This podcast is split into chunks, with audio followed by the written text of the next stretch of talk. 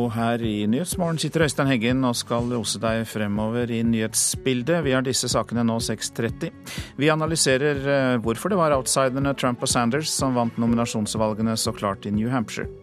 Falske EØS-pass er en større trussel mot velferdsstaten enn asylsøkere, mener Skattedirektoratet. Og vi skal høre at de siste kronene er på plass for at filmen om krigshelten Jan Baalsrud kan bli laget, og at de første scenene blir tatt i Troms. Bernie Sanders og Donald Trump slo knockout på konkurrentene ved nominasjonsvalget i New Hampshire. De vant med henholdsvis 60 eh, og 38% De to eh, kandidatene med diametralt ulike visjoner for USA viser kanskje mer enn noe annet hvor polarisert landet er blitt. Og for oss så besøkte korrespondent Ove Bjørgaas nettopp de to forskjellige verdenene, slik de så ut i New Hampshire i natt.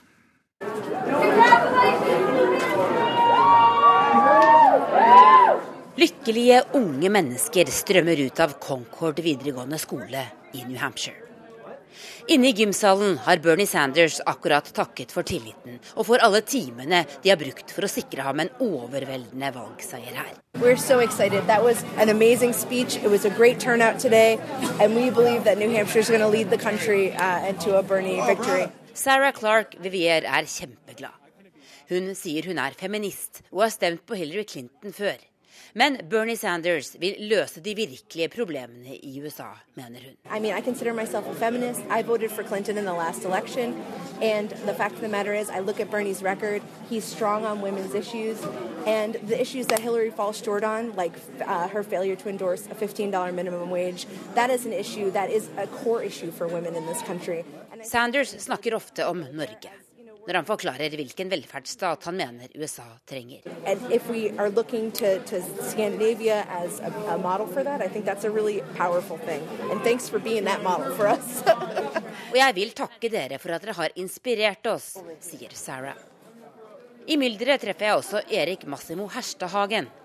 Han jobber egentlig frivillig for Hillary Clinton, men har innsett tapet i New Hampshire og er kommet for å høre Sanders i kveld. Hun taper litt for mye, men ingen krise. Dette er forventa. Eh, nå gjelder det bare å jobbe videre og vinne langsiktig kampen. How do you feel about Hillary Clinton? Hillary!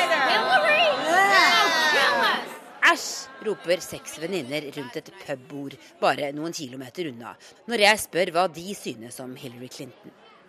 Connie Ritchie og Cindy Hastings stemte begge på Donald Trump. I'm glad Trump won. I think we need a strong leader, and I think having someone in the White House who understands how the economy works will be good for all of us. Vi trenger en sterk leder og en som forstår hvordan økonomi fungerer, sier Cindy. I'm ready for change. Anybody who's not in the White House before, our family in the White House, I'm happy. I think we need a businessman running this country. Was it hard to make the choice for you who to vote for? No, it was very easy. Connie tror Trump vil gå rett til topps nå. I think Trump is going to win the Republican nomination. Easy, easy.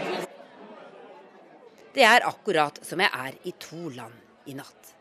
I bitte lille New Hampshire med bare 1,3 millioner innbyggere har rekordmange stemt ved et nominasjonsvalg. Og de har stemt på to menn med diametralt ulike løsninger for USA. Fra nåværende korrespondent til en tidligere korrespondent, eh, Joar Hoel Larsen, god morgen til deg. God morgen, god morgen. Ja, Bernie Sanders og Donald Trump vant, det har vi slått fast. Hvorfor eh, dro Trump i land eh, denne seieren? Altså, hvis vi et øyeblikk velger å se bort ifra hva han faktisk sier og hevder at han mener, så er det jo hevet over tvil at fyren har en form for sjarm. Han har TV-tekke og fjernsynserfaring. Eh, han har altså en, en, type folkelig appell som er veldig uvanlig i disse settingene. Han er jo befriende uortodoks som politiker. Han skiller seg ut sånn at, eh, at det, er, det er den ene siden av det. Det andre er at han snakker jo rett fra levra. Han sier en masse politisk ukorrekte ting som ingen av de andre tør eller våger å si, men som samtidig, man kan gjerne si dessverre, appellerer til en god del velgere, og ikke minst hvite, eldre herrer som føler at de er i ferd med å tape det politiske hegemoniet de har hatt i USA i de siste 200 årene. Ja, Vi kan høre litt på denne entusiasmen som eh, Trump har eh, her når han takker sine velgere i New Hampshire. We want to thank the people of New Hampshire, right? Do we love the people of New Hampshire?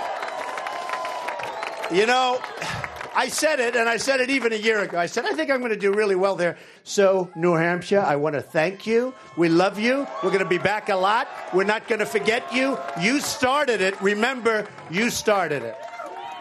Denne mannen får vi høre mer fra. Men vi snakker om en annen mann eh, nå, Joar Hoel Larsen. Andreplassen kan være vel så viktig, kanskje.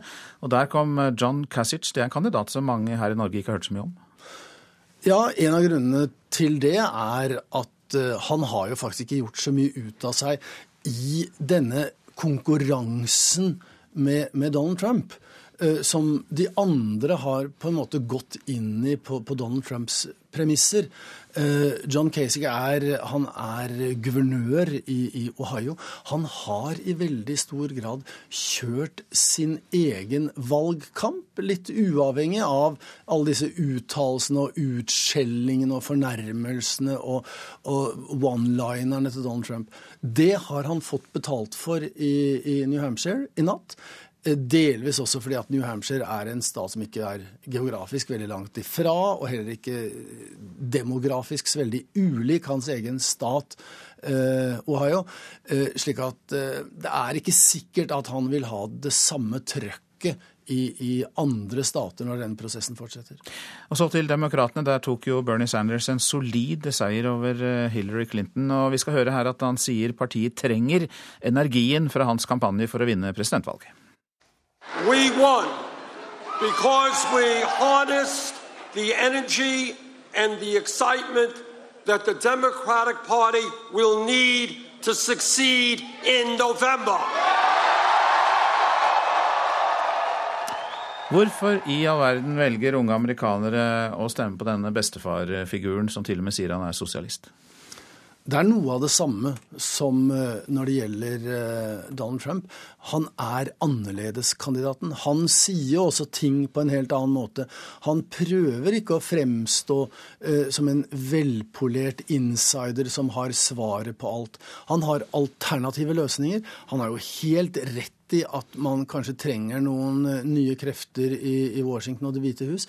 Hillary Clinton sliter nok litt med at hun både var utenriksminister under, under Barack Obama, og at hun var uh, first lady for veldig, veldig lenge siden, som folk forbinder da med det forrige århundret, hvilket uh, hun også gjør.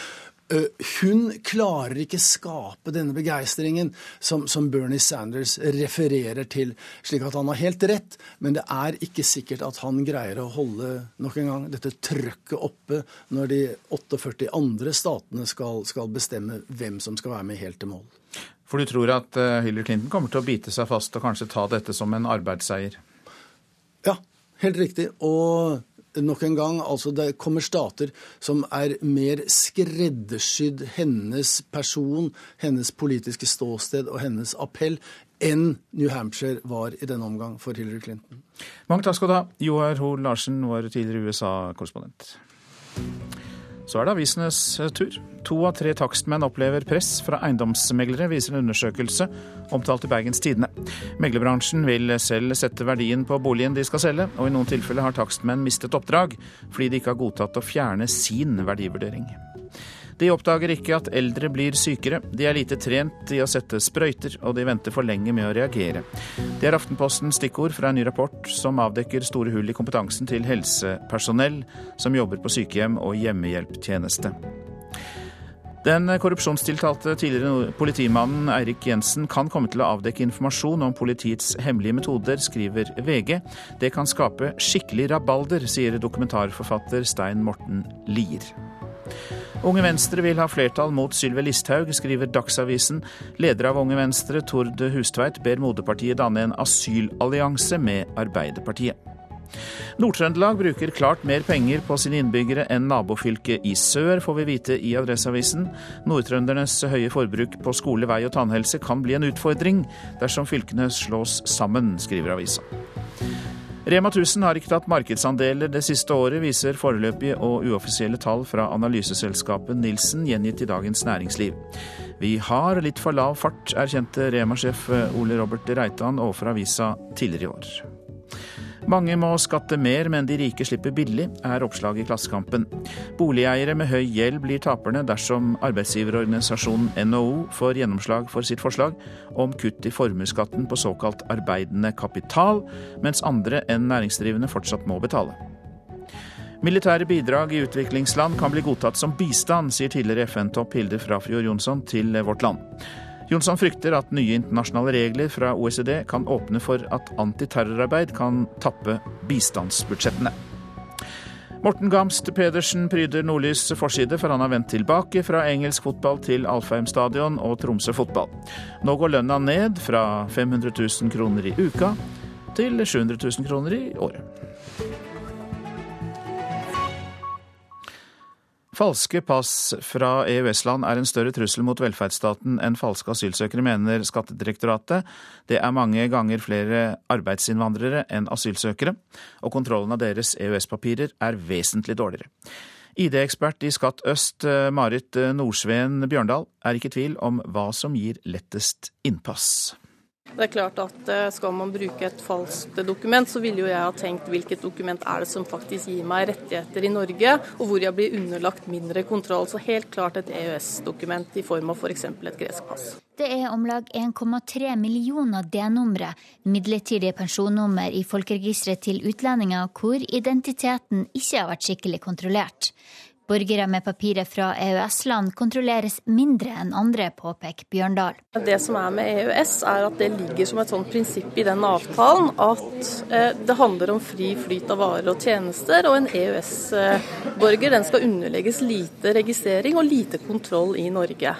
Før jul fortalte NRK om utstrakt forfalsking av syriske papirer. Tyske myndigheter anslår at én av tre asylsøkere som kommer dit, lyver om hvor de kommer ifra. De bekrefter overfor NRK at anslagsvis 30% av de som kommer til landet som syrere, er fra andre land. Men et europeisk identitetspapir gir langt flere fordeler i Norge. Rett til opphold, til å jobbe og velferdsytelser, samt vesentlig mindre kontroll. En snekker fra Armenia klarte f.eks. å skape seg syv ulike identiteter ved hjelp av D-numre, som borger av Litauen, Tsjekkia og Latvia. På den måten fikk han arbeid og klarte å svindle Nav for over en halv million kroner før han ble tatt. Det er et faktum at eh, det er vanskelig eh, å kontrollere godt de EØS-borgerne som kommer til Norge i dag, og det er en på mange måter en vel så stor utfordring som eh, den eh, asylstrømmen, hvis vi ser det fra det perspektivet. Sier skattedirektør Hans Christian Holte. Han ønsker å ta i bruk biometri, ansiktsgjenkjenning og fingeravtrykk i større grad også når det gjelder EØS-borgere. Det gjør man allerede med asylsøkere, og det er fullt mulig ifølge seniorrådgiver i Nasjonalt ID-senter, Frøy Løvaasdal. Ja, absolutt. Dersom vi kunne brukt ansiktsgjenkjenning til å kontrollere person mot dokument, så ville vi hatt en helt annen kontroll på utlendingene enn det vi har i dag. Statistikk fra Nasjonalt ID-senter viser at nesten to tredjedeler av misbrukte identitetsdokumenter som avdekkes, er fra medlemsland i EU-EFTA-området.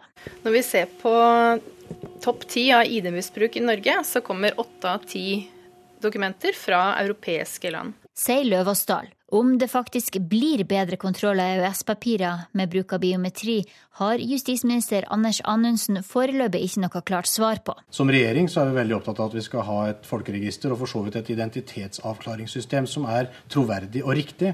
Derfor jobber vi også på tvers av alle de departementene som har ansvar for ulike deler av ID-forvaltninga nå, for å koordinere jobben for å trygge oss på at den som fremstår som deg, faktisk er deg. Og da er jo biometri et av de aller viktigste virkemidlene vi har. Reportere Linda Reinholdsen og Trond Lydersen.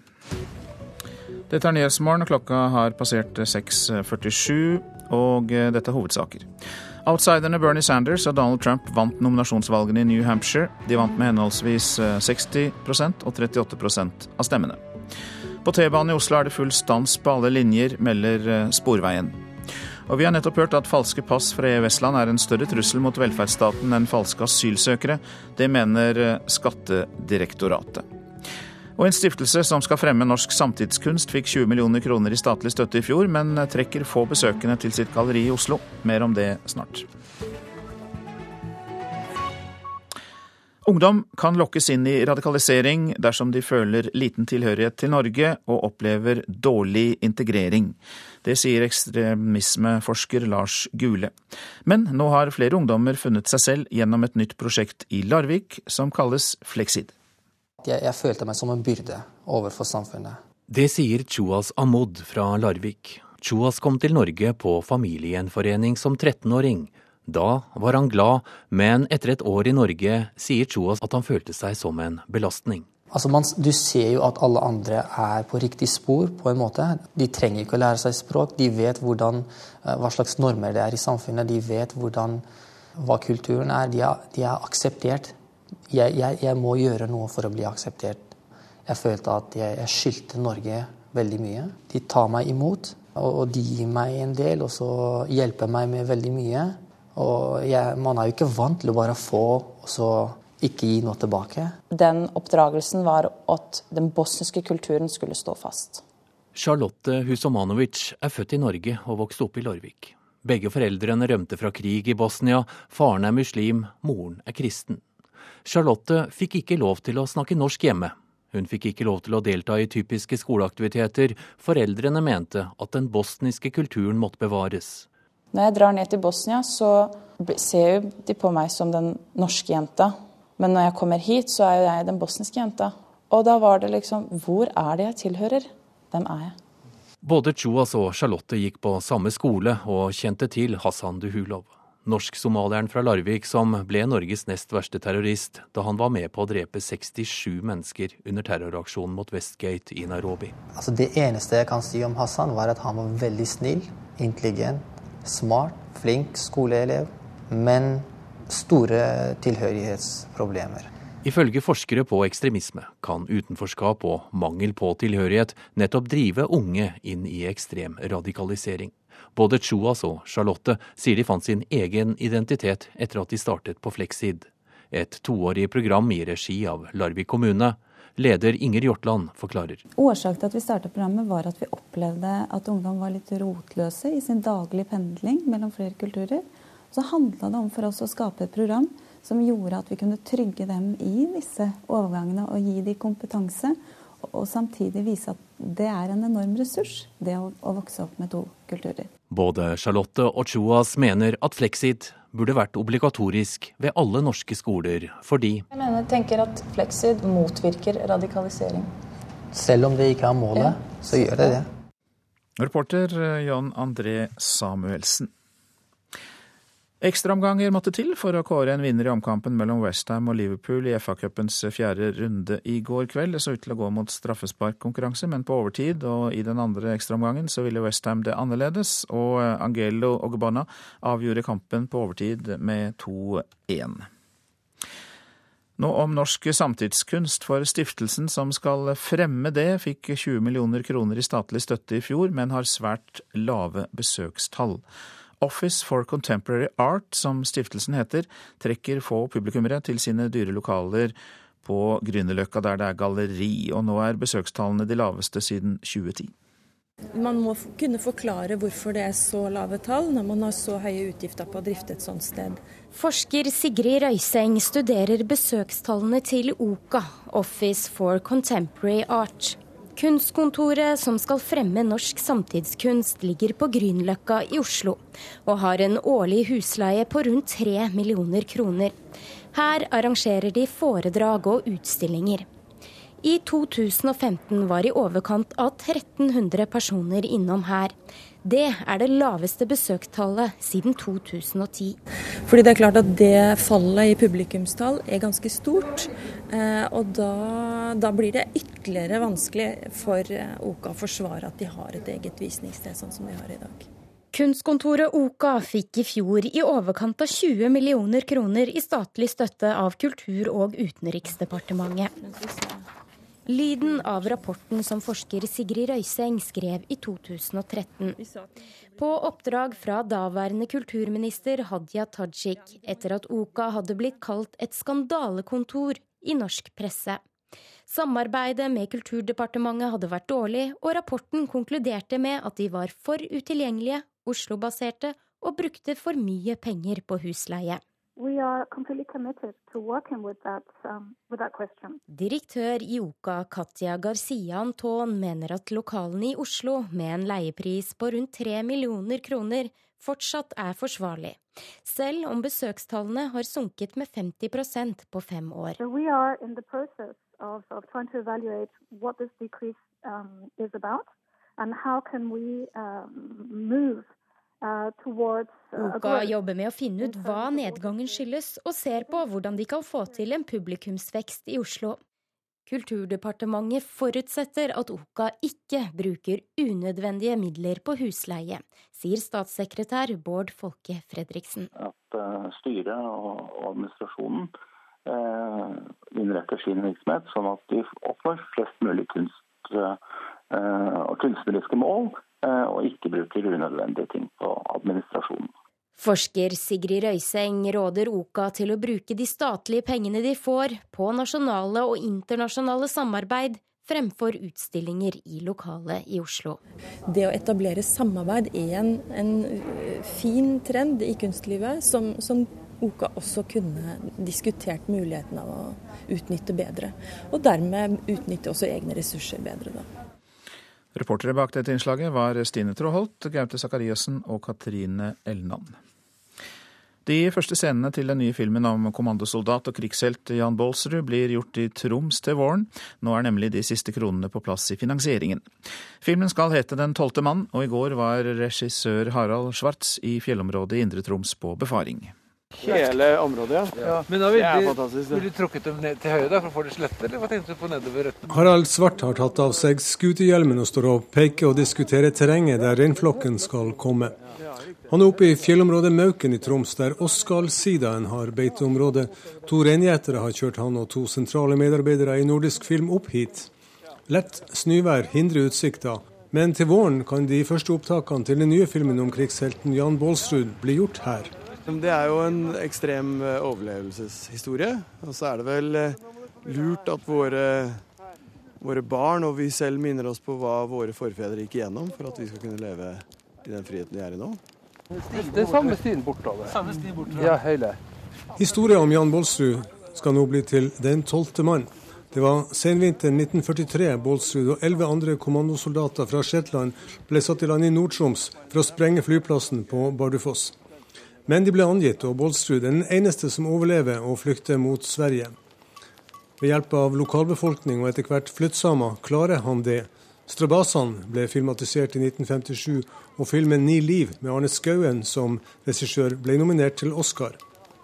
Nå vil den norske Hollywood-regissøren Harald Svart, kjent for kampsportfilmen The Karate Kid i 2010 og fantasyfilmen The Mortal Instruments City of Bones i 2013, lage en noe annen film om Baalsrud. Jeg er jo opptatt av den eh, karakterhistorien her. At det er eh, altså den derre overlevelsesinstinktet og hvordan mennesker hjelper hverandre i sånne situasjoner. Det er det som fascinerer meg. Hvor kjent er denne historien ute i verden, i Hollywood, der du holder til?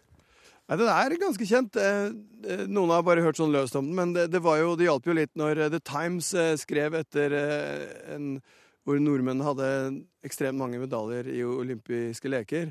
Så var det The Times som lurte på hva var det med disse nordmennene som gjorde at de var så flotte og sterke og sånn. Og da var liksom historien om Jan Baalsrud var svaret på det, da. Sånn ja. Hvis du går rolig inn, da. Så dette er jo historie som mange regissører gjerne ville gjort på nytt igjen. Svein Andersen er filmfaglig ansvarlig i Filmcamp i Målselv, som er inne med fem millioner i Baalsrud-filmen. Etter tidligere avslag i Norsk Filminstitutt fikk Den tolvte mann før helga endelig klarsignal for 15 millioner i støtte. Det var en ganske kjent scene hvor eh, Jan Baalsrud da ble på en måte smugla blant en gigantisk reinsdyrflokk over til Sverige, hvor de gjemte han da blant masse rein. Og reporter i Indre Troms, det var Arild Mo. Så tar vi for oss været fram til midnatt. Fjell i Sør-Norge først. Blir fra i ettermiddag nordlig liten kuling nord for Sognefjell. I kveld stiv kuling, spredte snøbyger i fjellet, mest i nordlige områder, men også gløtt av sol i fjellet i Sør-Norge, da. Østlandet sør for Oslo lette regnbyger, snø i høyereliggende strøk, ellers stort sett opphold, men det kan komme lokal tåke. Og i Østfold litt regn, og i grensetraktene lenger nord litt snø, ellers opphold på Østlandet. Så går vi til Telemark og Agder. Spredte regnbyger, snø i høyereliggende strøk og perioder med sol. Rogaland spredte regnbyger og snø i høyereliggende strøk. Og Hordaland får spredte regnbyger også, men mest i ytre strøk. Snø over 100 meter. I ettermiddag og kveld så blir det oppholdsvær i Hordaland. Så tar vi for oss Sogn og Fjordane. Enkelte snøbyger, regn på kysten. I ettermiddag øking til nordøstlig liten kuling på kysten, og nord for Florø blir det sterk kuling. Enkelte byger i Nordfjord, ellers opphold. Møre og Romsdal fra i formiddag liten og periodevis nordøst stiv kuling utsatte steder. På kysten sør for Ona periodevis sterk kuling. Det blir eh, snøbyger og sludd på kysten. Trøndelag nordlig liten og periodevis stiv kuling på kysten og i fjellet. Sluddbyger i ytre strøk, etter hvert snøbyger. Nordland periodevis eh, liten nordøstlig kuling langs kysten. Først på dagen stiv kuling sør i Nordland. Fra seint i ettermiddag nordlig stiv kuling ytterst på kysten. Det blir enkelte sludd- og snøbyger i Nordland. Troms får litt snø, men det blir lite nedbør på kysten. Finnmark snø av og til, og lite nedbør på kysten vest i Finnmark. Nordensjøland på Spitsbergen nordlig periodevis liten kuling utsatte steder. I ettermiddag minkende vind og spredt snø. Temperaturer klokka fire. Svalbard lufthavn minus sju. Kirkenes og Vardø null. Alta og Tromsø minus én. Bodø pluss én. Brønnøysund pluss tre. Trondheim minus fire. Og så går vi på plussgrader igjen. Molde to. Bergen 1, Stavanger 4, Kristiansand-Kjevik 3, Gardermoen 1, Lillehammer 0, Røros minus 6 og Oslo-Blindern pluss 2.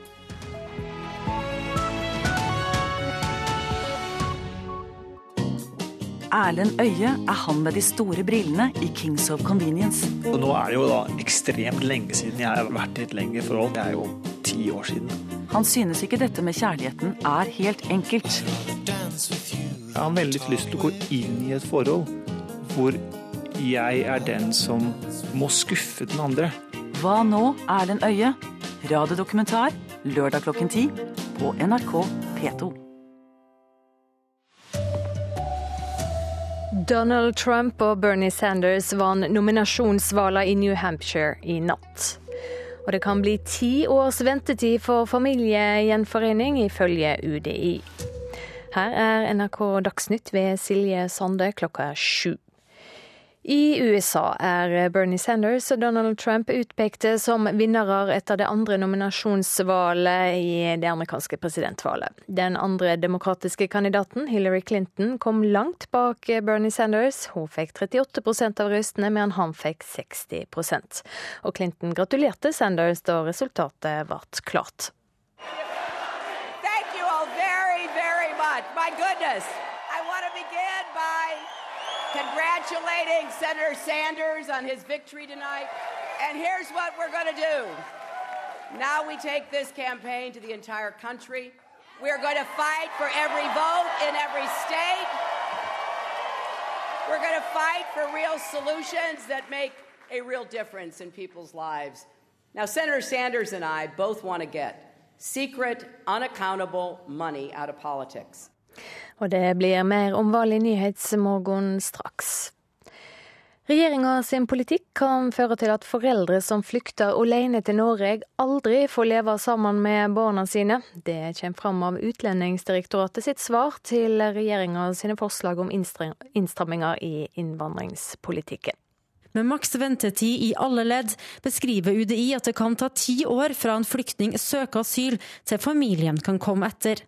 Og dersom barnet i hjemlandet har rukket å fylt 18 år i mellomtida, ja da blir det ingen familiegjenforening. Vi kommer ikke nå til å gi veldig detaljerte kommentarer på hvordan dette kommer til å bli. Sier statssekretær i Justisdepartementet, Marit Berger Røsland. Vi skal gjennomgå alle høringsuttalelsene og kommer tilbake med konsekvenser og vurderinger av det når vi legger frem lovforslaget.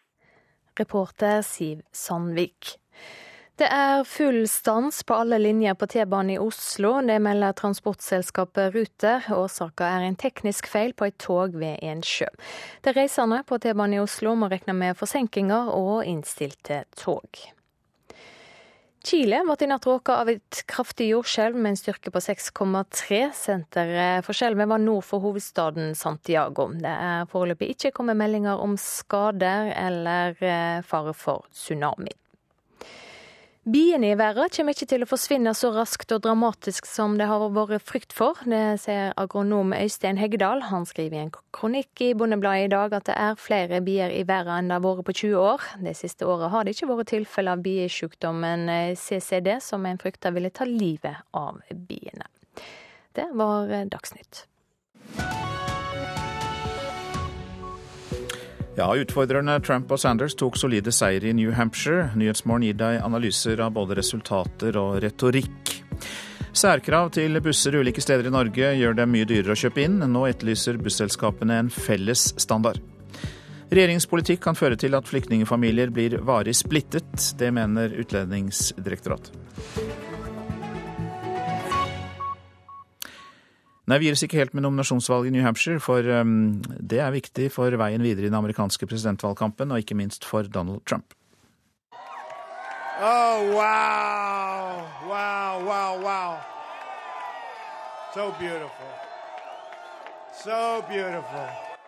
Det er så vakkert, sier en fornøyd, kampvillig og selvsikker vinner, Donald Trump, som mer enn innfridde på republikansk side. Ohio-guvernør John Kasich overrasket stort med en annenplass, mens Jeb Bush overlevde, så for ham er det nå et videre liv i nominasjonskampen.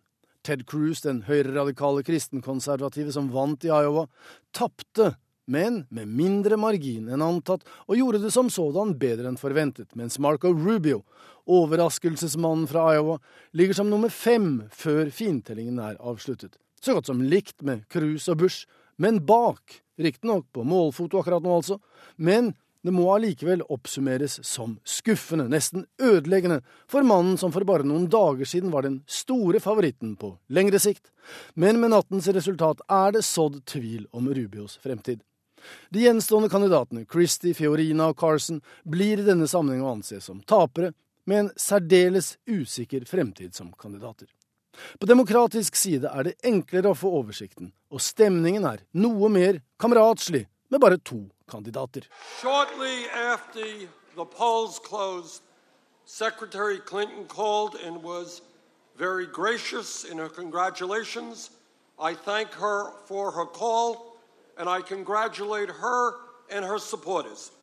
New Hampshire-favoritten Bernie Sanders fra nabostaten Vermont vant med om lag 60-40 over favoritten på landsbasis og på lengre sikt Hillary Clinton. Ingen overraskelse der, men triumfen var kanskje enda større enn forventet, men ikke desto mindre søt for Bernie Sanders, som nok må suge på denne karamellen så lenge han kan, for nå skal demokraten ut i et politisk terreng Nevada om halvannen uke og South Carolina om 17 dager. Stater som passer Hillary Clinton bedre enn New Hampshire, som var nærmest skreddersydd for Sanders. Så nå er det nye arenaer, nye stater med nye utfordringer og helt annerledes velgergrunnlag. Så på en måte, moro er over for denne gang. I alle fall for Bernie Sanders. Thank you, New Hampshire. Ja, Joar Hoel Larsen rapporterte. Ja, de vant jo likevel da stort uh, på henholdsvis republikansk og demokratisk side, Trump og Sanders. Og uh, korrespondent Tove Bjørgaas uh, i New Hampshire, hvorfor dro Trump i land en såpass solid seier? Han har ledet på meningsmålingene her siden i juli. Så hadde han ikke vunnet i natt, så hadde det vært en katastrofe for ham. Men han er altså en mann som de velgerne akkurat her i New Hampshire liker veldig godt. Han står for sine egne ideer. Han er ikke en del av det etablerte systemet. Og her er det å tenke fritt. Det er veldig viktig for folk. Og det er nok derfor disse to kandidatene gjør det så bra. Vi har også med oss deg, Kjell Terje Ringdal. God morgen. God morgen. Du er førstelektor i retorikk ved Høgskolen, Høgskolen Kristiania og leder av Washington-seminaret, som gir norske politikere og journalister innsikt i amerikansk politikk. Og du er med oss fra studio i eh, Tønsberg. Ja, hva er hemmeligheten bak uh, Trumps suksess? Er det noe ved hans personlighet som treffer eh, mange amerikanere? Det er nok både personligheten, men også situasjonen for eh, USAs eh, politikk. Eh, for her er det en politiker som kommer inn og speiler både politikerforakt og frustrasjoner. Slik at Trump er den da som har kommet inn og gjort et poeng ut av at han ikke er politiker, og ikke er Washington og ikke er Wall Street. Og sånn sett blir en slags trøst for for en frustrert middelklasse, som på mange måter er de som har kommet i, i klem eh, de siste årene. Så Sånn sett så står Trump der som eh, det lysende håpet om at eh, ting skal skje og bli bedre i amerikansk politikk. Du er jo spesialist på retorikk. Er ikke det talekunst, da? Bryter ikke Trump alle regler ved at han taler springende tilsynelatende uten noen disposisjon eller tydelig retning? Ja, hvis retorikk var bare talekunst, så hadde det vært riktig, men premisset blir feil. Fordi retorikk handler om å bruke de tilgjengelige midlene som man har for å nå fram til dit man ønsker. Og Sånn sett så kan man si at nettopp fordi han er springende, nettopp fordi han skaper engasjement og sprøyter opp det vi ville kunne kalle ville ideer, så skaper han altså en energi og en følelse av vitalitet. Og det er nok det som egentlig er, er forklaringen. Og at han også på den måten eh, ligner på de mediene som også dekker ham. Så her er det et ganske interessant samspill mellom en energisk politiker som slynger ut av seg medievennlige uttalelser, om enn sprikende, og får mye dekning. Og summen av dette er altså eh, en slags popularitet og stor grad av eh, interesse fra mediene. Holder denne energien og vitaliteten som vi hørte om her, helt inn, tror du, Tove Bjørgaas? Det er det alle spør seg om. Altså, nå skal dette bevege seg sørover i landet. Nå er det nominasjonsvalg i Sør-Carolina og Nevada. Og så er det supertirsdagen 1. mars, hvor det er valg i 13 delstater. Veldig mange av dem ligger i år i sørstatene, og også i Texas er det valg da. Og der kan Trump gjøre det bra mange steder. Men det er også et spørsmål om han kan komme til å få hard konkurranse av Ted Cruz, den kristenkonservative som kom på tredjeplass i dag, eh, som har mange tilhengere her. Men Trump har samlet de aller største folkemengdene i f.eks. en stat som Alabama, i, i, i, Georgia, en del av disse stedene hvor veldig mange hvite frustrerte velgere leter etter andre løsninger. Så det skal bli svært spennende å følge med på, på, på dette videre. Og det som også er en stor utfordring, er at de andre kandidatene, de Rubio, Bush og, og, og Kasich som kommer på andreplass i dag, de som er litt mer moderate, de blir liggende omtrent på samme sted. Så det er ingen av dem som peker seg ut som en kandidat som, hmm. som kan utfordre Trump. Ringdal, la oss gå over på Bernie Sanders, sosialisten som vant stort over Hillary Clinton. Hva vil du si om hans retorikk og evne til å få folk på sin side? Dette er jo da eh, en slags speilvending av Trump-fenomenet. Dette er altså en godt voksen mann som eh, gjennom sin klare tale og ikke-politiske måte å snakke på appellerer til de unge. Så på en veldig ironisk og merkelig måte så blir altså Sanders eh, årets eh, Obama. Eh, som altså er den som tenker alternativt, som tiltrekker seg ungdommen, som skaper energi, og som altså eh, tar i bruk S-ordet i amerikansk politikk, nemlig sosialist. Og det, eh, det, har han også klart å gjøre så effektivt at han til og med har Han har jo klart å presse Hillary i, i, sin, i sine politiske taler til å, til å, understreke at hun også er progressiv. Så Sånn sett så kan vi se at en uh, uvanlig politiker uh, presser Hillary over til venstre i sin politikk. Hvilket også er veldig interessant for en som, som ingen hadde trodd skulle, skulle, komme så langt. Nei, da går jo det uunngåelige spørsmålet til deg, Tove Bjørgaas. Ingen hadde trodd det, og så skjer det likevel. Men hva med Sanders eh, videre skjebne i nominasjonskampen? Det skal bli veldig vanskelig for han å bli demokratenes kandidat. Men han har altså samlet inn enormt med penger de, neste, de siste ukene, og kan nå fortsatt eh, en god stund å utfordre Hillary Clinton. Eh, Problemet her det er jo egentlig Hillary Clinton. For hun klarer altså ikke å nå de unge velgerne. Her i New Hampshire har hun rett og slett gjort, altså hun har gjort feil. F.eks. var hun ute og hadde med seg eh, Madeleine Albright, USAs tidligere utenriksminister, eh, som sa på, på, et valgmøte at kvinner, unge kvinner som ikke stemmer på Hillary, de, det er en spesiell plass i helvete for slike kvinner det, det, er ikke det som får unge kvinner i USA til å gå og stemme. Unge kvinner i USA de ønsker seg løsninger, og de ser at Bernie Sanders snakker om likelønn, han snakker om gratis utdanning, studielån og fødselspermisjon.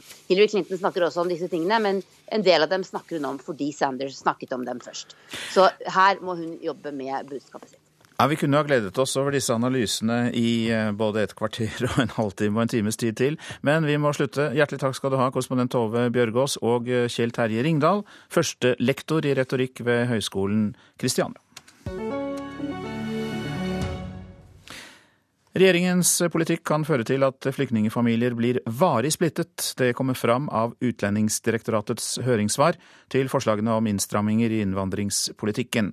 Pga. lang saksbehandlingstid risikerer flyktninger å måtte vente i ti år på familiegjenforening. Dersom dette her blir vedtatt, så blir det nok blant de strengeste i Europa. Sylvi Listhaug gikk høyt på banen da forslagene ble lagt fram i romjula. Ei årslønn på over 300 000 kroner og minst fire års arbeid eller utdanning i Norge er det regjeringa mener må til for at en flyktning skal få hente familien sin til landet. I sitt høringssvar beskriver UDI hvordan det her kan føre til at mødre og fedre som flykter alene til Norge, aldri blir gjenforent med barna sine. Dersom det tar svært lang tid før vilkårene for familiegjenforening blir oppfylt, kan det i enkelte tilfeller medføre en varig splittelse for eventuelle barn som ikke lenger fyller vilkårene fordi de er blitt over 18 år. I høringssvaret kommer det fram at det kan ta to år å behandle asylsøknaden, og like lenge å gi svar på søknaden om familiegjenforening. Med maks ventetid i alle ledd beskriver UDI at det kan ta ti år fra en flyktning søker asyl til familien kan komme etter. Og dersom barnet i hjemlandet har rukket å fylt 18 år i mellomtida, ja da blir det ingen familiegjenforening. Den retten blir jo da veldig uthult og kan glippe helt for, for mange familier sier migrasjonsforsker Jørgen Kaling ved Prio-senteret. Også han brukte høringsrunden til å advare mot strengere regler for familiegjenforening. Hvis det går igjennom sånn som det er foreslått, så tror jeg jo at vi får en innvandrerbefolkning som er mer ustabil og marginalisert. Fordi vi vet at eh, det å være sammen med familien er positivt for integrering, og det å ha sikkerhet om framtiden er positivt for integrering. Og Når begge de to tingene tas bort, så, så, vil det ikke være så rart om det resulterer i marginalisering. Vi kommer ikke nå til å gi veldig detaljerte kommentarer på hvordan dette kommer til å bli. Sier statssekretær i Justisdepartementet Marit Berger Røsland. Vi skal gjennomgå alle høringsuttalelsene og kommer tilbake med konsekvenser og vurderinger av det når vi legger frem lovforslaget. Og Siv Sandvik var reporter. Klokka er 7.15, dette er hovedsaker. Det er full stans på alle linjer på T-banen i Oslo, melder Ruter. Årsaken er en teknisk feil. De reisende må regne med forsinkelser. Outsiderne Bernie Sanders og Donald Trump vant nominasjonsvalgene i New Hampshire. De vant med henholdsvis 60 og 38% av stemmene. Og vi har hørt at regjeringens politikk kan føre til at flyktningfamilier blir varig splittet. Det kommer fram av Utlendingsdirektoratets høringssvar til forslagene til endringer i innvandringspolitikken. Hvor langt skal det være mellom setene i en skolebuss, og skal stanga du holder deg fast i være gul eller oransje? Ja, det er opp til hvert enkelt fylke i Norge å avgjøre det, og slike særkrav er med på å fordyre bussene, mener bussbransjen.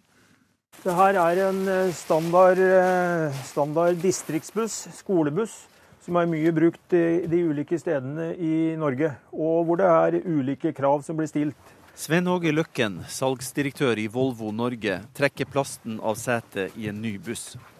Selv om en buss er godkjent i ett fylke, kan den være ubrukelig i et annet. Det er nemlig opp til hvert enkelt fylke å stille krav til bussene når de legger rutetrafikken ut på anbud. Denne her støttestanga som du holder i, som er gul eh, her vi ser nå, men andre steder skal det være en annen nyanse, som er mer eh, oransje f.eks. Et annet område kan være det her med utformingen av stoppknappen farvevalg på huset på stoppknappen. Hvor mange hestekrefter motoren skal ha, og hvor brei døren må være, er òg opp til fylkene å bestemme. Og det stopper ikke der. Hvor lang seteavstand skal være mellom to seter. Andre krav som kan variere, det er hvilken tjukkelse som skal være på stoppingen i seteputa. De her lokale særkravene kan gjøre en buss 10-15% dyrere. Det blir jo mellom 150 og 200 000, litt avhengig av hvilken type buss det er. da. Er det noen fornuftig grunn til at det skal være sånne forskjeller? Nei, i mine øyne så er det ikke det. Det er det absolutt ikke. Og det er klart det begrenser også bruken av bussene når du har sånne spesifikke krav. For det, har du ett krav da ett sted, så blir det vanskelig å flytte bussen over til et annet sted. ikke sant? Først om to år kan Standard Norge ha klar én standard for busser, men det er opp til fylkene om de vil bruke den. Men at hvert fylke fortsatt kan stille sine egne særkrav, er meningsløst, mener NHO Transport og direktør Jon Stordrange. Vi syns det er direkte sløseri av penger og av skattebetalernes midler. Vi syns det skulle vært en langt større grad av sentral samordning på bussiden, både med hensyn til kjøp av materiell og med hensyn til utforming av kontrakter. Så lenge fylkene har så stor makt over kollektivtrafikken, så er det ikke all verden samferdselsminister Ketil Solvik-Olsen kan gjøre. Men han liker det ikke som det er nå. Ved å ha all mulig lokale standardkrav, så betyr det at uh, du bruker penger på, som er helt unødvendig. Og det gir oss enten mindre kollektiv for pengene, eller dyrere billetter for de reisende. Så legger vi til at i Oppland sier direktør Eirik Strand i Opplandstrafikk at de stilte spesielle krav til seteavstand og polstring for å tilby god komfort. Han sier at prisen gikk ned, eh, selv om den nye operatøren Trønderbil eh, stilte med bare nye busser. og han tror altså at eh, det ikke var veldig fordyrende krav de kom med. Det skriver han til NRK. Reporter for innslaget her var Kjartan Røslett. Sømsrud, velkommen til deg, Jakob Mehus. Du er administrerende direktør i organisasjonen Standard Norge, som skal lage en felles standard for busser som kjøpes inn. Eh, hvorfor er det så forskjellige krav fra sted til sted? Nei, det er, det er, vel kanskje et godt spørsmål. Altså, man kan, er lett å tenke at en buss er en buss. Men uh, for det første så tror jeg at det, er, det kan være mange gode grunner til at, uh, at det er forskjellige krav, og at de kravene kan være godt fundamentert i. og det er klart det er forskjeller basert på tiltenkt bruk, men spørsmålet er kanskje hvor forskjellige vi trenger å være. Og jeg tror at det innslaget vi hørte her, illustrerer det en del. At det kanskje er en del av forskjellene som, som virker ganske unødvendig, da. Men er det noen krav som likevel kan virke fornuftig ut ifra lokale forhold? Ja, Det tror jeg helt sikkert at, at, det kan være ting som har med eh, en region altså for, for, Man kan tenke seg f.eks. klima, man kan tenke seg f.eks. At, at bussen skal brukes til et spesielt formål osv. Men, men igjen så tror jeg det er viktig å tenke gjennom eh, er det virkelig nødvendig å stille det spesielle kravet. Er vi virkelig så spesielle, enten i dette området, i den regionen der disse bussene skal bestilles? da? Ja, Vi hørte at Opplandstrafikk ikke trodde at det gjorde bussene noe dyrere for deres del. Men hva tror du sånn generelt om uh, disse forskjellige kravene, om det gjør bussene dyrere? Altså Jeg skal ikke uttale meg spesifikt om det som eh, eh, Opplandstrafikk refererer til, for det har jo ikke jeg sett noen, noen tall eller sammenligning på. Men sånn generelt så tror jeg det er ganske allment akseptert at, at skreddersøm blir dyrere enn en serieproduksjon. Og jeg tipper at det, Vi ser jo det fra andre industrier og andre områder som vi jobber på, at, at det å standardisere det som kan standardiseres, altså det det å, å, kanskje bli enig om gulfargen som skal brukes på en stang, eller utforming av stoppknapp. Det er vanskelig å liksom se at, at, det er viktig for, for, eh, lokal bruk av en buss. Mens det er kanskje lett å se at en serieproduksjon av det kan, kan gi besparelser. Og vi hørte noen eksempler på eh, kostnader på, eh, altså ekstrakostnader dette påfører. Dere skal jo komme fram til et slags minstefelles multiplum for busser. Hvordan skal dere gjøre det? Nei, det gjør vi på samme måte som vi gjør i alle mulige andre sektorer der vi driver med standardisering. Eh, altså standard, vi, vi er jo, det er det vi er gode til, det er å drive med standardisering. Eh, så det vi gjør, er eh, å samle de som kan sies å være interessentene i forhold til dette temaet som dreier seg om, om krav til busser. Og så har vi tre veldig viktige prinsipper for standardisering. Det er at det er en åpen prosess. Dvs. Si at i utgangspunktet så kan alle delta. Eh, og så er det frivillig. Det er sånn at vi, vi, tvinger ingen til å komme og sette seg rundt bordet og delta i busstandardisering. Eh, og så er målet å bli enig. Og det, nettopp det at målet er å bli enig, og at det ikke er én aktør som sitter og bestemmer på vegne av veldig mange andre. Det gjør at, eh, at, si, at standarden, når vi da blir ferdig med standarden, og det viser all erfaring at det, det blir vi det, Vi har fått det til på utrolig mange andre komplekse områder også. Og da blir forankringen for denne standarden blir god, fordi de aktørene som har interesse i det, føler at de er blitt hørt. Helt kort, eh, men det er frivillig likevel å følge den standarden dere til slutt lander på, da? Ja, det er det. Alle standarder er frivillige.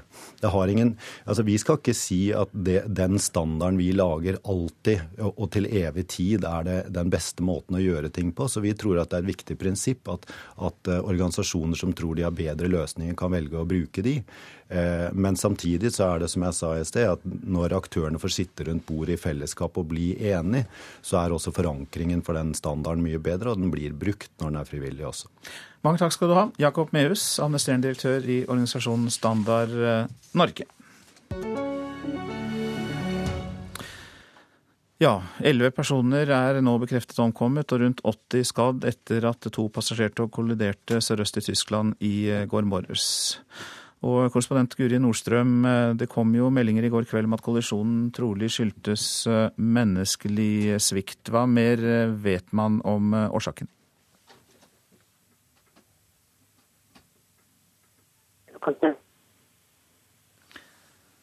Her har vi litt problemer med forbindelsen. Kanskje vi har såpass store problemer med den at vi må gå videre. Men eh, det vi altså kan oppsummere, var at elleve personer eh, er bekreftet omkommet etter eh, denne kollisjonen. 80 personer ble altså skadd. Og det kom meldinger om at det muligens kunne være menneskelig svikt, men Ulykkeskommisjonen har selvfølgelig ikke kommet med noe resultat ennå. De har vel knapt begynt sitt arbeid. Så tar vi for oss det avisene har på sin dagsorden i dag. To av tre takstmenn opplever press fra eiendomsmeglere, viser en undersøkelse omtalt i Bergens Tidende. Meglerbransjen vil selv sette verdien på boligen de skal selge, og i noen tilfeller har takstmenn mistet oppdrag fordi de ikke har godtatt å fjerne sin verdivurdering. De oppdager ikke at eldre blir sykere, de er lite trent i å sette sprøyter, og de venter for lenge med å reagere. Det er Aftenpostens stikkord fra en ny rapport som avdekker store hull i kompetansen til helsepersonell som jobber på sykehjem og i hjemmehjelptjenesten. Den korrupsjonstiltalte tidligere politimannen Eirik Jensen kan komme til å avdekke informasjon om politiets hemmelige metoder, skriver VG. Det kan skape skikkelig rabalder, sier dokumentarforfatter Stein Morten Lier.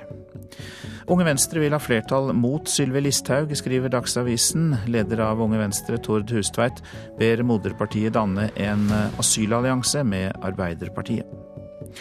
Nord-Trøndelag bruker klart mer penger på sine innbyggere enn nabofylket i sør, får vi vite i Adresseavisen. Nordtrøndernes høye forbruk på skole, vei og tannhelse kan bli en utfordring dersom fylkene slås sammen, skriver avisa.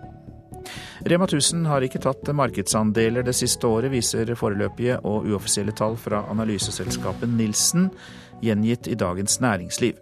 Vi har litt for lav fart, erkjente Rema-sjef Ole Robert Reitan overfor avisa tidligere i år.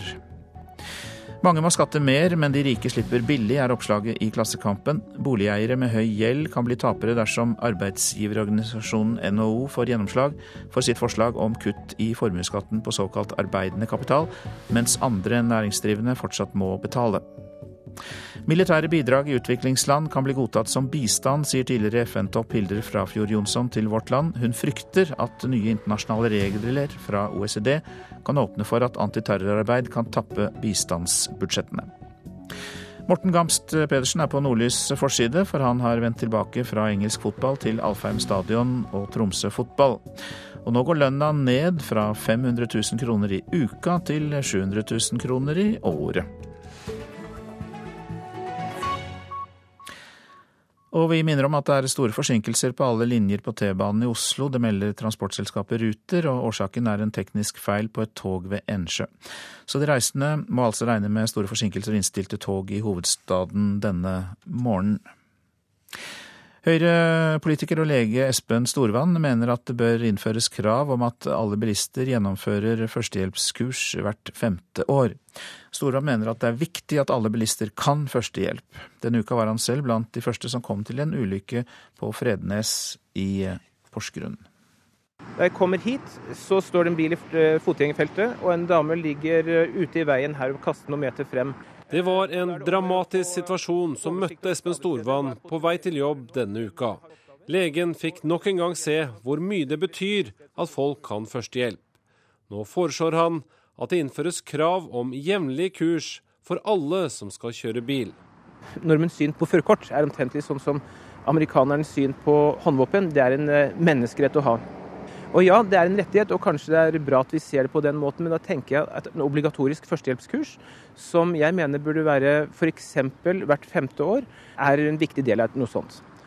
Kvinnen som var involvert i ulykken, er nå utskrevet fra sykehus. Hun er svært glad for hjelpen hun fikk fra bl.a. Espen Storvann.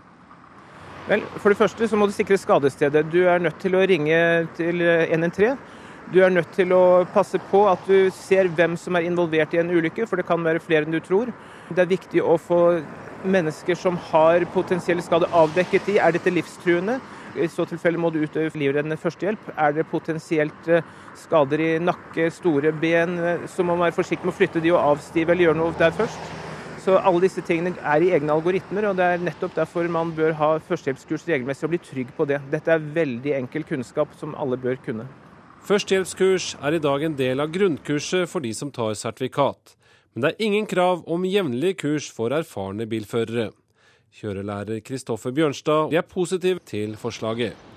Absolutt. Førstehjelp er noe av det viktigste vi har i forhold til ulykker og tiltak når vi kommer dit, så kjempe. Er elevene opptatt av førstehjelp? Ja, de fleste er eh, opptatt. De syns det er veldig ålreit. De er interessert. Det er en av de bitene som trafikalt grunnkurs virkelig motiverer, og de liksom skjønner at dette er viktig. Mitt inntrykk er at de syns det er veldig ålreit. I Samferdselsdepartementet er de ikke avvisende til forslaget om jevnlige førstehjelpskurs. Statssekretær Tom Cato Karlsen sier han vil jobbe videre med forslaget. Ja, altså det er selvfølgelig en mulighet som, eh, som vi kan se på. Jeg kommer til å be om en redegjørelse fra, eh, fra avdelinga vår med, med, hensyn til hvordan man eventuelt kunne løst noe sånt. Men det vil jo være eh, noen kostnader og noen praktiske ting som må på plass før man kunne gjort noe sånt. Men ideen er absolutt interessant. Reporter Tom Ole Buås. Prosent for Nyhetsmorgen i dag, Marit Selmer Nedrelid. Her i studio, Øystein Heggen. Venstres Ola Elvestuen og Frp-statsråd Sylvi Listhaug skal diskutere asylpolitikk i Politisk kvarter.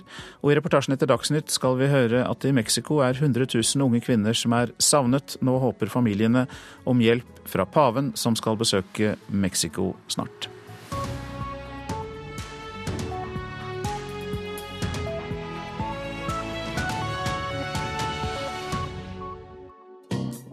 Erlend Øye er han med de store brillene i Kings of Convenience. Og nå er det jo da ekstremt lenge siden jeg har vært i et lengre forhold. Det er jo ti år siden. Han synes ikke dette med kjærligheten er helt enkelt. Jeg har veldig lyst til å gå inn i et forhold hvor jeg er den som må skuffe den andre. Hva nå, Erlend Øye? Radiodokumentar lørdag klokken ti på NRK P2. Donald Trump og Bernie Sanders gikk til topps i nattas nominasjonsvalg i USA. Falske europeiske pass er et langt større problem enn asylsøkere som lyver om hvor de kommer fra, mener Skattedirektoratet. Og en buss er ikke en buss. Fylket har helt ulike krav til farger og setepolstring. Det blir dyrt. Her er NRK Dagsnytt ved Silje Sande. Klokka er 7.30. Bernie Sanders og Donald Trump slo altså knockout på konkurrentene sine ved nominasjonsvalget i USA i natt. Vår korrespondent Tove Bjørgaas er på plass i New Hampshire.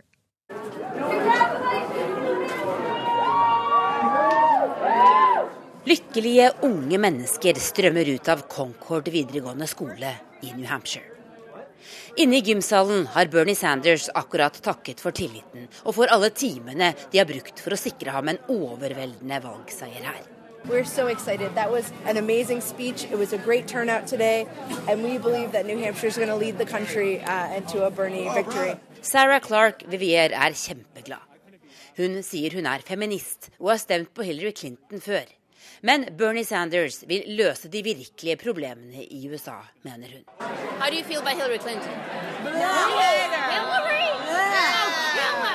Æsj, roper seks venninner rundt et pubbord bare noen kilometer unna, når jeg spør hva de synes om Hillary Clinton. Connie Ritchie og Cindy Hastings stemte begge på Donald Trump. I'm glad Trump won. I think we need a strong leader, and I think having someone in the White House who understands how the economy works will be good for all of us. Vi trenger en sterk leder og en som forstår hvordan økonomi fungerer, sier Cindy. We are going to make America great again, but we're going to do it the old fashioned way. We're going to beat China, Japan. We're going to beat Mexico at trade. We're going to beat all of these countries that are taking so much of our money away from us on a daily basis. It's not going to happen anymore. Ja, Det var altså Donald Trump til slutt. Tove Bjørgaas, du er med oss også nå. Hva betyr denne sigeren for Trumps eh, kampanje? Det var veldig viktig for ham å vinne i natt. Hadde han ikke gjort det, så, så hadde det vært en slags katastrofe. For han har ledet eh, på meningsmålingene helt siden juli her i New Hampshire. Men mange mener at dette nå kan være starten på et hurtigtog som vil gjøre han ustoppelig, og som vil skaffe han eh, nominasjonen. Men det er altså mange delstater igjen, og, og også andre kandidater som kan nå opp. Men han vant altså voldsomt i dag med mer enn dobbelt så mange stemmer som nestemann. Hvordan er styrketilhøvet mellom de andre kandidatene på republikansk side? Problemet for den såkalt etablerte delen av partiet er at det er ingen av de kandidatene som, som har klart å få noen ledelse på de andre. Eh, i, i, I, natt så kom eh, Jeb Bush eh, og Marco Rubio eh, og John Kasich nesten likt ut. John Kasich litt foran de andre. Marco Rubio gjorde det jo bra i Iowa, men han Eh, de gjorde det ikke like bra i natt, men de ligger veldig tett disse her. Og så er det kristenkonservative Ted Cruz som også ligger i den gjengen. Eh, så det er ingenting eh, som peker seg ut som en ny utvikling her, bortsett fra at Trump vant i natt. Hos Demokratene fikk Bernie Sanders langt flere stemmer enn Hillary Clinton. Hva betyr dette nederlaget for Clinton? Hun tapte med mer enn det eh, som hun hadde ventet. Hun har forsøkt å tette luka her de siste dagene, men hun har ikke lyktes. Og hun har også gjort en del feil. Bl.a. annet har hun eh, snakket, fått kvinner som snakker for henne på valgmøter til å si at unge kvinner må stemme på henne, hvis ikke så gjør de en feil. Og unge kvinner ønsker ikke å høre det her, de ønsker å høre løsninger som de trenger for å få et bedre liv. Så jeg tror hun må refokusere sin kampanje nå. Takk skal du ha, korrespondent Tove Bjørgaas. Regjeringa sin politikk kan føre til at foreldre som flykter alene til Norge, aldri får leve sammen med barna sine. Det kommer fram av Utlendingsdirektoratet sitt svar til forslaget om innstramminger i innvandringspolitikken. Ifølge UDI kan lang sakshandsamingstid gjøre at ventetida på familiegjenforening blir på hele ti år. Dersom dette her blir vedtatt, så blir det nok blant de strengeste i Europa. Sylvi Listhaug gikk høyt på banen da forslagene ble lagt fram i romjula. Ei årslønn på over 300 000 kroner og minst fire års arbeid eller utdanning i Norge er det regjeringa mener må til for at en flyktning skal få hente familien sin til landet. I sitt høringssvar beskriver UDI hvordan det her kan føre til at mødre og fedre som flykter alene til Norge, aldri blir gjenforent med barna sine. Dersom det tar svært lang tid før vilkårene for familiegjenforening blir oppfylt, kan det i enkelte tilfeller medføre en varig splittelse for eventuelle barn som ikke lenger fyller vilkårene fordi de er blitt over 18 år. Med maks ventetid i alle ledd beskriver UDI at det kan ta ti år fra en flyktning søker asyl til familien kan komme etter. Og dersom barnet i hjemlandet har rukket å fylt 18 år i mellomtida, ja da blir det ingen familiegjenforening. Vi kommer ikke nå til å gi veldig detaljerte kommentarer på hvordan dette kommer til å bli. Sier statssekretær i Justisdepartementet, Marit Berger Røsland. Vi skal gjennomgå alle høringsuttalelsene og kommer tilbake med konsekvenser og vurderinger av det når vi legger frem lovforslaget. Reporter Siv Sandvik. Falske EØS-borgere kan utgjøre en større trussel mot velferdsstaten enn asylsøkere med falske papir. Det mener Skattedirektoratet. Det er mange ganger flere arbeidsinnvandrere enn asylsøkere i Norge. Kontroll av EØS-papir er vesentlig dårligere. Marit Nordsveen Bjørndal er ID-ekspert i Skatt øst. Det er klart at eh, Skal man bruke et falskt dokument, så ville jo jeg ha tenkt hvilket dokument er det som faktisk gir meg rettigheter i Norge, og hvor jeg blir underlagt mindre kontroll. Så helt klart et EØS-dokument i form av f.eks. For et gresk pass. Det er om lag 1,3 millioner D-numre, midlertidige personnummer i folkeregisteret til utlendinger hvor identiteten ikke har vært skikkelig kontrollert. Borgere med papirer fra EØS-land kontrolleres mindre enn andre, påpeker Bjørndal. Det handler om fri flyt av varer og tjenester, og en EØS-borger skal underlegges lite registrering og lite kontroll i Norge. Før jul fortalte NRK om utstrakt forfalsking av syriske papirer. Tyske myndigheter anslår at én av tre asylsøkere som kommer dit, lyver om hvor de kommer ifra. Men et europeisk identitetspapir gir langt flere fordeler i Norge. Rett til opphold, til å jobbe og velferdsytelser, samt vesentlig mindre kontroll. En snekker fra Armenia klarte f.eks. å skape seg syv ulike identiteter ved hjelp av D-numre, som borger av Litauen, Tsjekkia og Latvia. På den måten fikk han arbeid og klarte å svindle Nav for over en halv million kroner før han ble tatt. Det er et faktum at eh, det er vanskelig eh, å kontrollere godt de EØS-borgerne som kommer til Norge i dag. Og det er en, eh, på mange måter en vel så stor utfordring som den asylstrømmen, hvis vi ser det fra det perspektivet. Sier skattedirektør Hans Christian Holte. Han ønsker å ta i bruk biometri, ansiktsgjenkjenning og fingeravtrykk i større grad også når det gjelder EØS-borgere.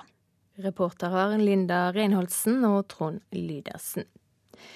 Det er store forsinkelser og innstilte tog på alle linjer på T-banen i Oslo i dag tidlig. Det melder transportselskapet Ruter. Årsaken er en teknisk feil på et tog ved Ensjø.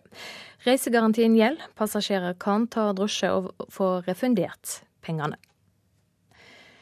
En buss en stad i Norge er ikke det samme som en buss en annen stad. Særkrav fra fylker om farger og stoppknapper er med på å gjøre bussene dyrere, sier direktør Jon Stordrange i NHO Transport. Vi syns det er direkte sløseri av penger. Det her er en typisk distriktsskolebuss. Sven Åge Løkken, salgsdirektør i Volvo Norge, trekker plasten av setet i en ny buss. Selv om en buss er godkjent i ett fylke, kan den være ubrukelig i et annet. Det er nemlig opp til hvert enkelt fylke å stille krav til bussene når de legger rutetrafikken ut på anbud. Denne støttestanga som du holder i, som er gul eh, her vi ser nå. Men andre steder skal det være en annen nyanse, som er mer eh, oransje f.eks. Et annet område kan være utformingen av stoppknappen farvevalg på huset på stoppknappen. Hvilken tjukkelse som skal være på stoppingen i seteputa. De her lokale særkravene kan gjøre en buss 10-15% dyrere. Mellom 150 og 200 000, litt avhengig av hvilken type buss det er. da. Er det noen fornuftig grunn til at det skal være sånne forskjeller? Nei, i mine øyne så er det ikke det. Først om to år kan Standard Norge ha klar én standard for busser, men det er opp til fylkene om de vil bruke den. Men at hvert fylke fortsatt kan stille sine egne særkrav, er meningsløst, mener NHO Transport. Vi trenger mer sentral koordinering og én felles standard hva slags busser som skal brukes i ulike trafikk i Norge. Så lenge fylkene har så stor makt over kollektivtrafikken, så er det ikke all verden samferdselsminister Ketil Solvik-Olsen kan gjøre. Men han liker det ikke som det er nå. Vi må sørge for at det bussmateriellet som er i Norge kan være mest mulig allsidig og brukes flest mulig og til slutt her hørte vi samferdselsminister Ketil Solvik-Olsen. Det var eh, Kjartan Rørslett som hadde laga denne reportasjen. Ansvarlig for eh, NRK Dagsnytt, Gro Arneberg.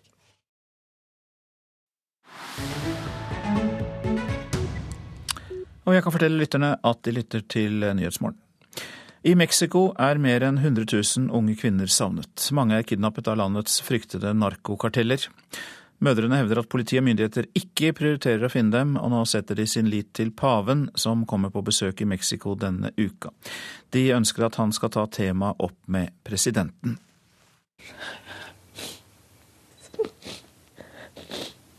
Tårene renner ned på kinnet til en mor som ser på bilder av datteren sin. Det lille bordet er dekket av en hvit duk. Foran bildene av datteren og et maleri av jomfru Maria brenner et stearinlys. Datteren Mariana gikk ut av huset en skjebnesvanger kveld i september 2014. Hun skulle kopiere noen papirer i forbindelse med en skoleoppgave. Mariana var 18 år den gangen. Hun kom aldri hjem. No duermes. ¿Por qué no duermes? No puedes comer. No puedes tomar agua. Jeg klarer ikke sove, jeg får ikke i meg drikke eller mat. Følelsen av desperasjon inni meg har tatt overhånd, sier en mor i dyp fortvilelse. I Mexico er mange tusen mødre i samme situasjon.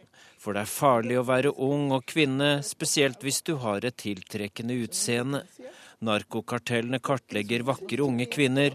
Plutselig en dag blir de bortført. Mange blir brukt som sexslaver innad i narkokartellene. Andre blir utsatt for trafficking. De blir solgt som prostituerte i andre land. Livet er satt på vent, forteller moren til Mariana til nyhetsbyrået Associated Press.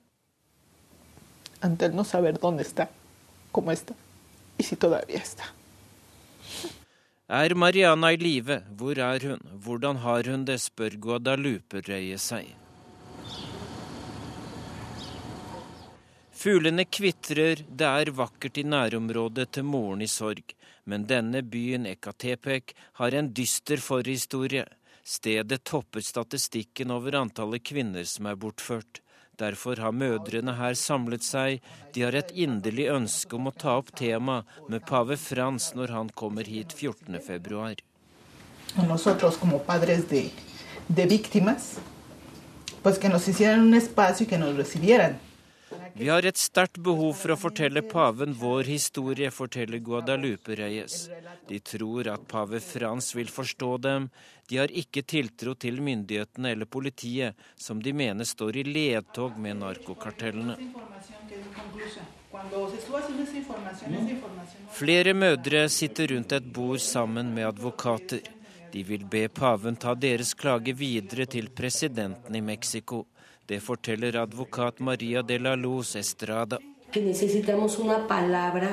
pero no solamente una palabra de aliento y de fe, sino también apelando al gobierno mexicano de que asuman su responsabilidad de garantizar una vida digna. De offisielle tallene viser at 26 000 personer er savnet, men mørketallene er høye. Ifølge Human Rights Watch ble 105 000 personer borte bare i løpet av 2012. Den tidligere lederen av PEN-klubben i Mexico, Jennifer Clement, har skrevet bøker om savnede kvinner. Hun forteller bl.a. om hvordan mødre skamklipper døtrene sine og kler dem så stygt som mulig for at narkokartellene ikke skal fatte interesse for deres døtre. Ifølge forfatteren har skjønnhetssalonger fått sitt motstykke på landsbygda. Clement og andre hevder at du får mer hjelp av politiet hvis bilen din blir stjålet, enn om du melder datteren din savnet. Og reporter her var eh, Dag Bredvei. Dette er Nyhetsmorgen, og dette er eh, hovedsaker. Vi har fått inn melding nå om at Telenor fikk et resultat etter skatt på minus 2,1 milliarder kroner i fjerde kvartal 2015. Selskapet skriver ned milliardverdier i den danske virksomheten. Outsiderne Bernie Sanders og Donald Trump vant nominasjonsvalget i New Hampshire. De vant med henholdsvis 60% og 38% av stemmene. Regjeringens politikk kan føre til at flyktningfamilier blir varig splittet. Det kommer fram av Utlendingsdirektoratets høringssvar til forslagene i innvandringspolitikken.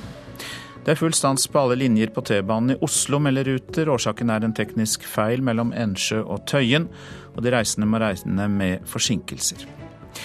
Programleder for Politisk kvarter, det er Bjørn Myklebust.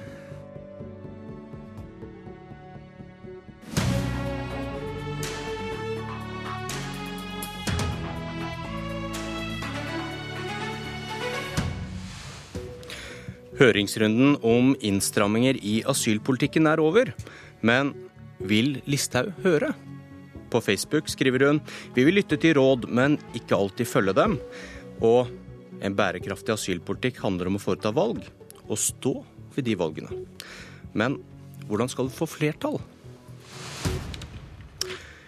Du trenger ikke lete etter flere svar på Facebook, for her sitter hun. God morgen, innvandrings- og integreringsminister Sylvi Listhaug. God morgen. Du vil ikke høre, du? Jo da, jeg har to ører og hører forholdsvis godt, så det skal jeg nok gjøre. Men samtidig så er det sånn at det, mange av høringsuttalelsene slipper å ta hensyn til eh, det faktum at vi må tenke langsiktig på vegne av landet. Vi må ha en bærekraftig innvandringspolitikk som også da eh, bidrar til å begrense tilstrømminga til Norge framover. Men hva skal til for at du hører på dem, da?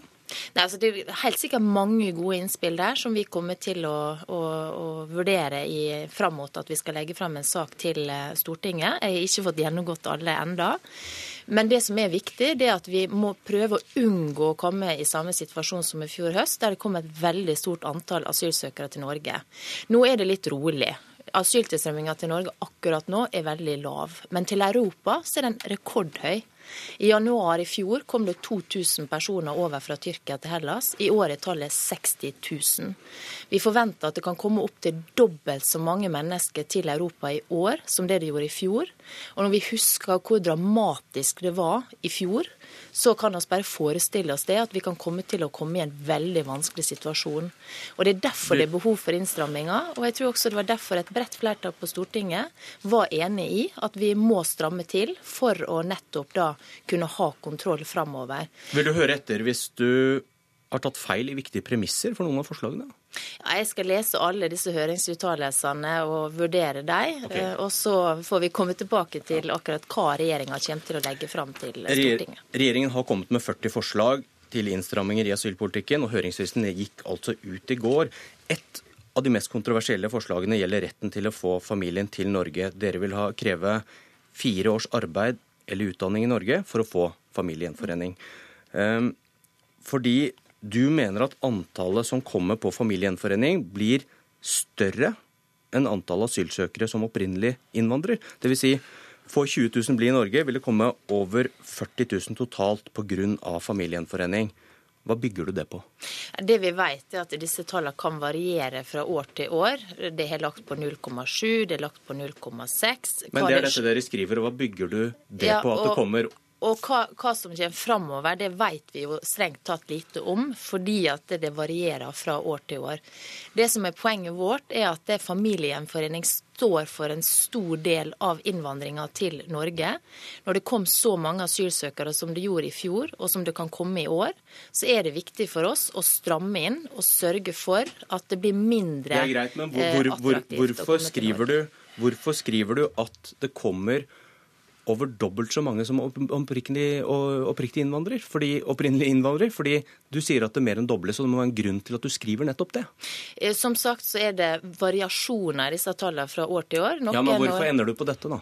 Nei, Det er jo det som er brukt i høringsuttalelsen. Og så får vi sikkert ja, Hva er grunnlaget for det? Nei, Som sagt så er det variasjoner fra år til år, og det er sikkert innspill da som, eh, som går i rette med det. Det vil vi selvfølgelig se på. Men hovedpoenget vårt er å sørge for at vi strammer til familiegjenforeninga, fordi at dette er et punkt som gjør at det kommer mange flere til Norge enn det man som, som, kommer som asylsøkere. Ja, for hvordan, også, hvordan forklar... vent, vent, litt, vent litt. Må, ja, når ja. du ikke svarer på spørsmålet, så får du ikke så mye tid. skjønner du.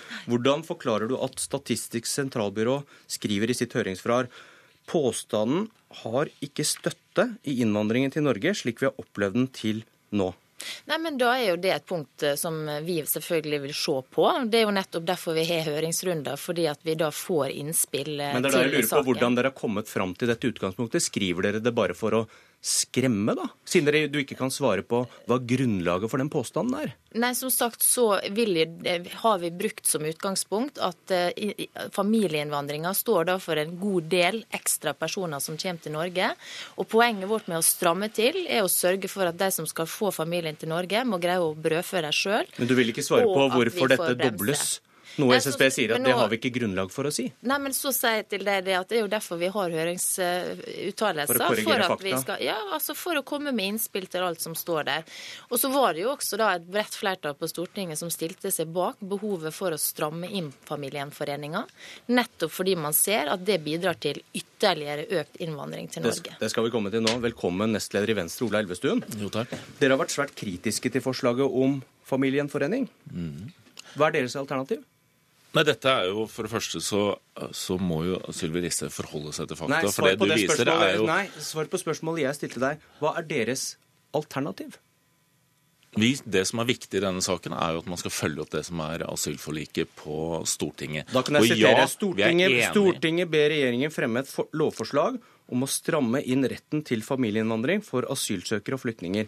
Hva er Venstres alternativ til det Sylvi Listhaug har foreslått? Da er det å se på justeringer i forhold til regelverket som vi har i dag. Vi har også et asylforlik med, med regjeringspartiene fra i 2012, og det er den vi nå skal følge opp. Og så skal vi høre på de høringsinnspillene som er kommet inn, bl.a. fra Statistisk sentralbyrå, som sier jo at det ikke er den samme sammenhengen mellom de som kommer og familiegjenforening. Det er også høringsinnspill både fra UDI og andre som også peker på at det kan komme hvis man gjør de voldsomme innstrammingene som, som Sylvi Sylvi Listhaug legger opp til, så vil det kunne komme flere som ønsker å komme til grensen, og vil få flere som får en farefull verden. Tre, tre år istedenfor fire år da i arbeid eller utdanning før uh, familiegjenføring, er det spiselig for Venstre? Det er helheten i de forslagene som Sylvi Listhaug har lagt frem, som er problematisk. Det gjelder i forhold til barn på flukt, det gjelder i forhold til familiegjenforening, det gjelder, det gjelder innstramminger når det gjelder å få permanent opphold. Det gjelder en rekke enkeltforslag ja, men Dere har skrevet som... under på dette enkeltvedtaket om innstramming i familiegjenforening. Det du sitter og sier, er at dere har ikke tenkt ut noe alternativ. Dere har hatt over en måned på dere. Vi, det vi sier, er at vi har en helhet i det som Sylvi Listhaug nå har lagt frem i, i, jula. Nå har vi fått de høringsuttalelsene på dette. Dette skal vi diskutere på Venstres uh, gruppemøte i dag. Det som er problemet med hele den prosessen som har gått siden vi gjorde asylforliket, asyl, uh, vedtaket på Stortinget, er også den debatten vi har hatt i, i etterkant. Det er ingen tvil om at Sylvi Listhaug har vært med på å nøre opp under en debatt ved å komme med det vi vil kalle er ytterliggående, ytterliggående uttalelser. Enten det er at man ikke skal bære folk på gullstol inn i landet, det er at man er, er man ikke redd nå, så, så lyver man. Eh, dette er en retorikk som skaper veldig stor uro. Og det vi okay. nå trenger, er nettopp å ha en eh, integreringsminister som bygger på det breie forliket vi har på Stortinget. Ta utgangspunkt i det når hun både uttaler seg og når hun skal legge fram en ny sak på Stortinget. Greit. Jeg syns ingen av dere svarer på spørsmål, så da får vi heller ta en debatt. Sylvi Listhaug, hvordan skal du få flertall når du hører innvendingene mot forslagene dine? Nei, Nå skal vi få lov til å jobbe gjennom disse forslagene og legge fram en sak til Stortinget. Eh, for oss er det viktig å tenke langsiktig. Det er viktig å møte den kjempeutfordringa vi kan komme til å stå i i år. Det kan komme opp mot 60 000 asylsøkere til Norge. Det kommer til å utfordre hele vårt mottakssystem, og det kommer til også å utfordre oss på sikt. fordi at det, allerede i år så skal norske kommuner bosette rekordmange. Men hvordan skal du få eh, flertall for forslagene dine? Hvordan skal du få flertall? Nei, altså eh, Nå kommer vi til å legge fram dette her i april. Eh, og så vil vi jo på forhånd også snakke med de andre partiene, men vi kommer til å legge fram det som vi mener er riktig når den tid kommer. Og så vil jeg bare si til det med retorikk. Jeg syns at det blir utrolig spesielt hvis at opposisjonspartiene i sin iver etter å gi meg nederlag, gi regjeringa nederlag, lar være å stemme på forslag Eh, fordi at man mener at jeg bruker feil ord. For det dette her egentlig dreier seg om, det er altså framtida vår. Det handler om hvilken eh, et innvandringspolitikk vi skal ha. Hvor mange som skal komme til Norge. Hvordan vi skal greie å integrere de som kommer hit. Og jeg tror at Venstre er enig i at eh, det er en sammenheng mellom hvor mange som kommer, og hvor godt vi greier å integrere de menneskene som skal være Men nettopp derfor er det også viktig hvordan debatten føres. Eh, fordi du skal utøve et lederskap fra regjeringens side. og Det er viktig at man tar utgangspunkt nettopp i det breie flertallet som ligger på Stortinget. Hvordan skal de få flertall for forslagene sine? Det er at hun tar utgangspunkt nettopp i denne asylavtalen som vi har fra før eh, jul. Det er det som er grunnlaget for, eh, for den breie enigheten som vi har på Stortinget. At man også legger opp til en mye mer samlende diskusjon, for det er det vi trenger framover. For landet har stått i en vanskelig situasjon, og det er den vi trenger å, å, ta tak i. Mye av de løsningene ligger heller ikke i Norge. De som har kommet til Norge, må ha Du skal ha en rask saksbehandling. De som skal ut igjen, skal ut igjen. Men de som skal integreres, må integreres mye av de problemene vi har, ligger jo på det som er mye mer et felles europeisk problem. Det er, det er yttergrensen til Schengen. Vi må ha et samarbeid både i Norden, vi må ha et samarbeid i Europa for å få kontroll på det. Og så skal vi følge internasjonale konvensjoner. Vi skal følge Dublin-avtalen og ikke bryte med dem. Listhaug, kort, kort til slutt. Eh, erkjenner du at når flertallet på Stortinget har innvendinger mot flere av punktene, at dere må komme med et endret forslag når du kommer med det nærmere påske? Ja, Nå skal regjeringa få lov til å jobbe med det, og så skal vi legge fram vårt forslag. Men jeg er helt enig i det siste som sies. Både at dette her er et europeisk problem som vi må forsøke å løse i fellesskap. At vi skal følge alle de internasjonale konvensjonene vi er undertegna. Men så mener jeg da som politiker at det er viktig å snakke et språk som folk forstår. Ta folk på alvor og være realistisk i tilnærming til disse spørsmålene. Det har jeg vært så langt, og det kommer til å fortsette å være. Elvestuen, til slutt. Jeg leser om fylkesleder i Venstre som vil fristille Venstre fra det borgerlige samarbeidet før 2017, nettopp av hun som sitter ved siden av deg. Så dette understreker alvoret i denne saken, og også hvordan man skal drive denne diskusjonen framover. Vi har vært med på, på, felles forlik på Stortinget, både asylforlik og integreringsforlik. Og det er nettopp da oppfølgingen av de som er avgjørende. At man tar utgangspunkt i den breie enigheten som vi har. At man begynner å opptre mer samlende. At vi nettopp, at regjeringen også okay. tar ansvar for det fellesskapet, og at vi så får en endring i de forslagene som kommer fram til Stortinget, og ikke det som ligger her. Da får vi se. Takk for svarene. Takk for debatten. Velkommen, Magnus Takvam, vår politiske kommentator. Bare kort innom det til slutt her. Hvordan vurderer du protestene som nå kommer fra folk i Venstre? De er jo meget kraftige, og Elvestuen bekreftet jo alvoret i dem her helt eh, til, til slutt. Eh, det er klart at venstrefolk rundt omkring i landet blir konfrontert med det som skjer. Det har oppstått en samfunnsdebatt, en polarisert samfunnsdebatt, der de hele tiden må forsvare at de har satt Frp inn i eh, regjering. Og dette presser selvfølgelig lojaliteten til regjeringsprosjektet. Det er de siste oppslagene et, eh, et, et tydelig eksempel på. Det borgerlige samarbeidet har jo vært ute en vinternatt før. Vi husker asylbarnsaken, vi husker budsjettinnspurten med grønt skatteskifte. Eh, hvordan kan samarbeidet bli påvirket av denne saken, tror du? Nei, det, det presser eh, lojaliteten til regjeringsprosjektet i Venstre. Og det er mange venstrefolk jeg eh, møter som eh, sier at dette kan sprenge liksom firepartisamarbeidet blant de borgerlige. Eh, men når man da tar skrittet videre og analyserer videre, så er det klart at eh, å støtte for Venstres del å sette inn en Arbeiderpartiregjering, en type rød-grønn regjering, er en helt annen sak. Sånn at eh, det vi snakker om her, er mer en kraftig kritikk av Høyre-Frp-regjeringen, og det er særlig forholdet til Frp, selvfølgelig, som er betent i akkurat denne, denne saken. Sylvi Listhaug får det meste av oppmerksomheten i denne saken, men det er to partier i regjering, og er, er de uenige?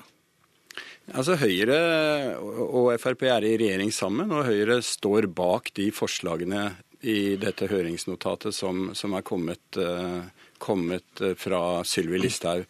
Men det er klart eh, Sylvi Listhaug har inntatt en eh, posisjon i den offentlige debatten som gjør at oppmerksomheten blir rettet spesielt mot henne. Og mange etterlyser, bl.a. i Venstre, Erna Solberg og Høyres svar på dette. Vi får kanskje det første svaret i spørretimen i formiddag, der statsministeren skal, skal eh, møte i Stortinget. Hva tenker du, hva kommer til å skje med dette forslaget nå, etter innvendingene fra faginstanser og fra opposisjonen? Slik jeg hører Listhaug, så kommer hun til å muligens justere noen av forslagene, men at uh, liksom, hovedinnholdet i dem kommer til å bli uh, uh, langt på vei det samme, med noen justeringer. Magnus Takvam, takk for at du også var med i Politisk kvarter. Jeg heter Bjørn Myklebust.